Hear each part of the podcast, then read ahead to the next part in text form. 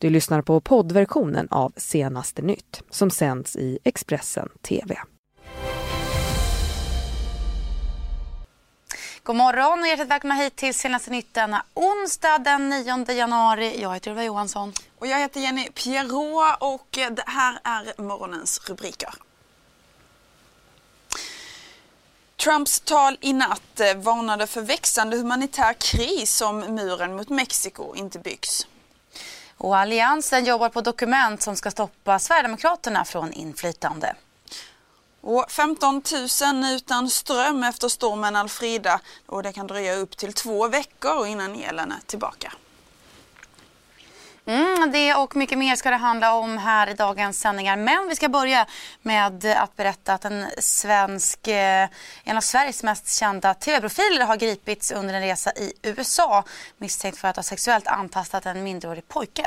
Ja, svensken är namngiven i amerikansk media som skriver att händelsen ska inträffat i början av januari då tv-profilen ska ha närmat sig en pojke i yngre tonåren då han tränade i en park. Svensken sitter nu fängslad men utredningen pågår och borgen är satt till ett mycket högt belopp, närmare en miljon svenska kronor. TV-profilen är tidigare ostraffad och svenska UD har ännu inte fått någon information om det här fallet. Mm, och eh, med det ska vi eh, ta oss utrikes. Det ska handla om politik, amerikansk sådan. Nedstängningen av delar av den amerikanska statsapparaten går ju nu in på sin tredje vecka efter det att budgetförhandlingarna mellan demokrater och republikaner har fallit samman. Och knäckfrågan här det är ju frågan om muren mot Mexiko som Trump utlovat sedan början av sin presidentkandidatur och som eh, ju demokraterna vägrar. Ja, och i natt klockan tre svensk tid så höll Donald Trump ett tal till det amerikanska folket där han sa att tusentals fler kommer att dö om inte muren blir av och kallade situationen för en växande humanitär kris. This is a humanitarian crisis, a crisis of the heart and a crisis of the soul.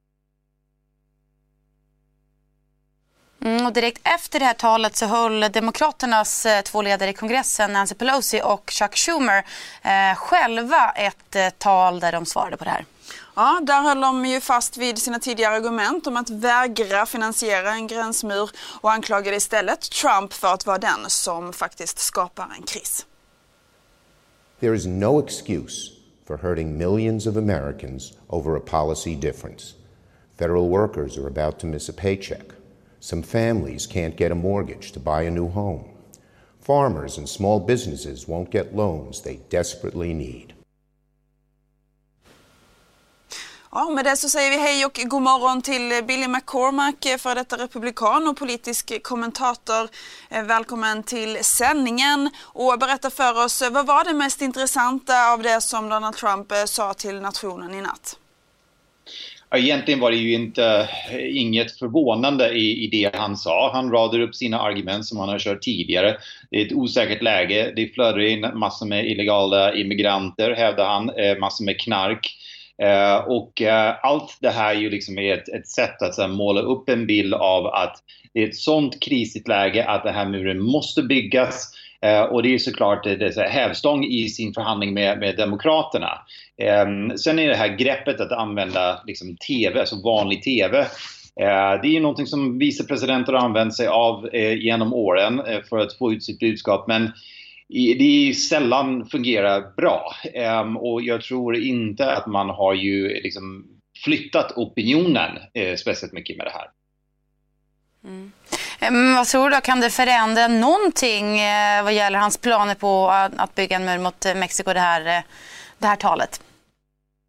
Ja, men vad man kommer att se nu närmaste dagarna, det är liksom om det här har ju eh, hjälpt till att flytta den allmänna opinionen på något sätt om det har blivit någon liksom större diskussion kring det här som han kan sen använda sig av i sina förhandlingar med, med, med Demokraterna. Uh, så det är liksom, han måste ju avvakta och se lite grann vad som blir efterspelet av detta. Men när man tittar på talet och tittar på det som har kommit ut efter det, det är såklart det är bara, bara för ett par timmar sedan. Eh, det känns inte som att det, det blir den här stora vågen eh, som han kanske hade hoppats på.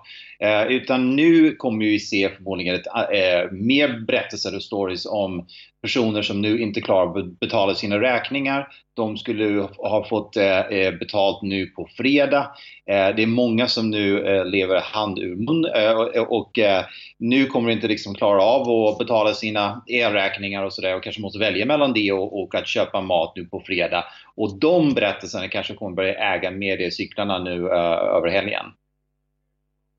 Ja, statsapparaten är fortfarande stängd eh, i tre veckor nu va? och eh, ja, precis som du säger där, folk som står utan lön. Eh, vad kommer att hända hur, nu framöver för att lösa den här situationen? Det är klart att det pågår förhandlingarna bakom kulisserna hela tiden, även om eh, Nancy Pelosi och Schumer och, och Trump bråkar offentligt. Det är klart att det, de förhandlarna sitter ju där hela tiden och försöker komma fram till någon, till någon lösning.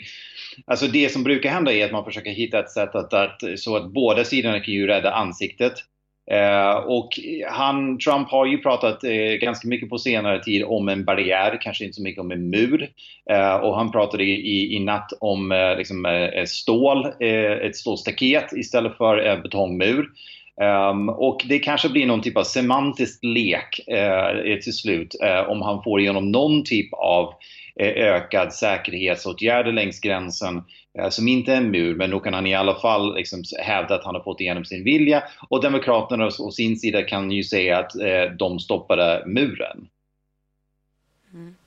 Ehm, efter att Trump eh, höll sitt tal så svarade ju också Demokraterna på det här. Nancy Pelosi och Chuck Schumer höll ju själva ett tal där de ju istället då eh, skyllde på Donald Trump för att skapa en, en, en kris. Vad har Demokraterna för, för ansvar i, i eh, den här krisen ändå, den nedstängda statsapparaten? Jag ska säga att krisen började, alltså nedstängningen började ändå under Eh, den förra kongressen. Eh, de har ju ärvt detta nu. Det, här började för, för nästan eh, 18 dagar sedan. Pelosi har varit talman i drygt en vecka. Så det här är ju såklart liksom ett problem för dem.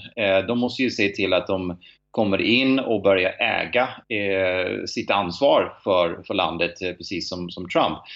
Alltså, men, men nu, deras taktik förmodligen just nu är ju att vänta tills att fler och fler eh, statsanställda börjar gå ut i media och berätta hur tufft det är. Eh, och att det är inte bara statsanställda utan det är alla, eh, hela kringliggande tjänstesektorn lider av eh, nedstängningen. Alla ställen, eh, lunchställen och sånt där folk går och handlar, det, de kommer ju också börja lida av nedstängningen. Och eh, jag tror att Demokraterna väntar på att det här kommer börja bli liksom en, en kritisk massa eh, i, i medierna. Liksom att det trycket kommer räcka för att Trump kommer backa lite. Då tackar vi dig så jättemycket där Billy McCormack, eh, politisk kommentator för att du var med oss denna morgon. Och vi ska stå fast vid politik men svensk. Mm, det stämmer bra, för det börjar ju hända lite nu efter julledigheterna vad gäller regeringsförhandlingarna. Igår kom bland annat en nyhet från Sveriges Radio Ekot. Ja, precis. Eh, nyheten gällde att Alliansen nu jobbar på ett dokument som ska säkerställa att Sverigedemokraterna inte får något inflytande. Och här är en eh, sammanfattning av eh, politiken hittills. Åtta liberala riksdagsledamöter gick på tisdagen ut i en debattartikel i Expressen och visade sitt stöd för Ulf Kristersson i en framtida statsministeromröstning. Det skulle innebära att partiet svänger i frågan. En av de som skrivit under artikeln är riksdagsledamoten Robert Hanna.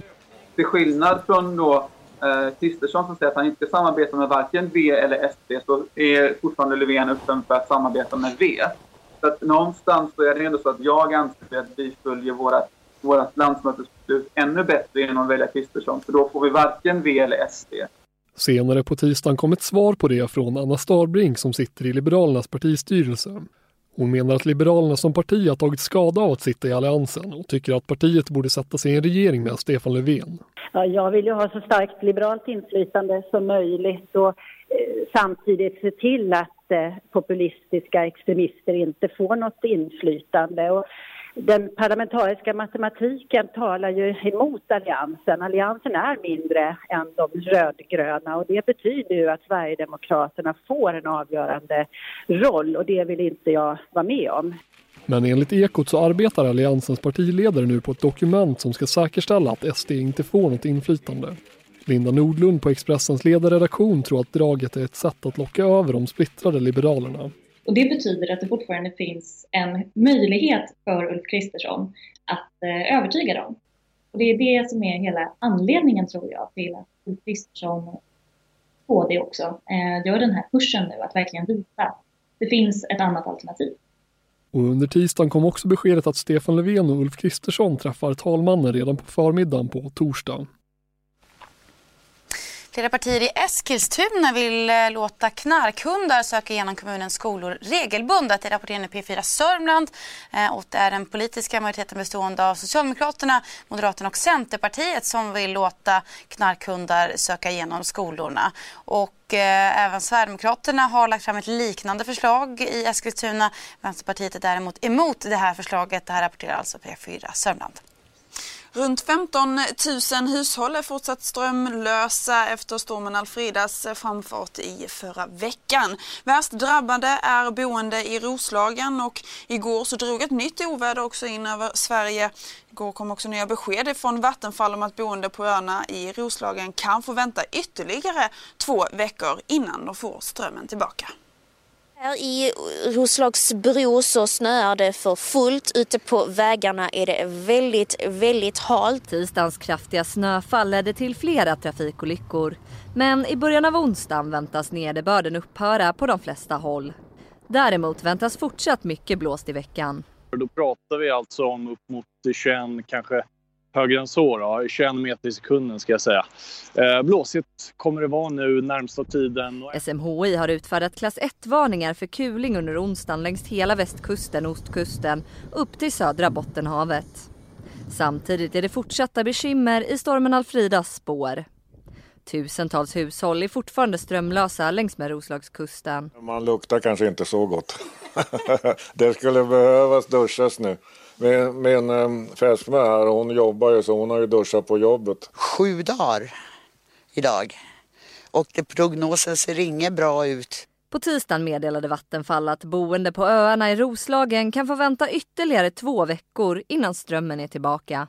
Det betyder inte att alla kommer att vänta så länge som två veckor. Vi kopplar in successivt i takt med att vi reparerar färdigt nätet.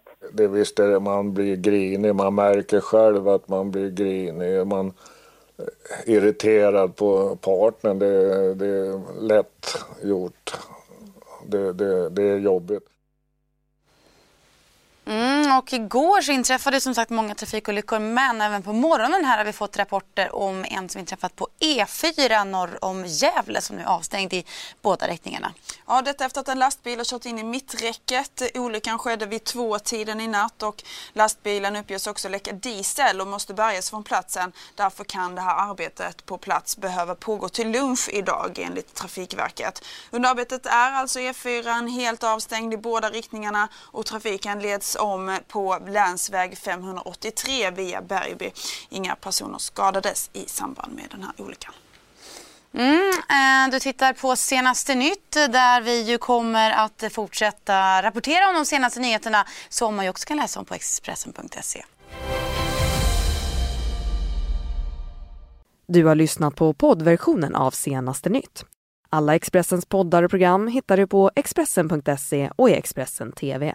Ansvarig utgivare är Thomas Mattsson. Ett poddtips från Podplay. I podden Något Kaiko garanterar östgötarna Brutti och jag, Davva, dig en stor dos skratt. Där följer jag pladask för köttätandet igen. Man är lite som en jävla vampyr. Man har fått lite blodsmak och då måste man ha mer. Udda spaningar, fängslande anekdoter och en och annan arg rant.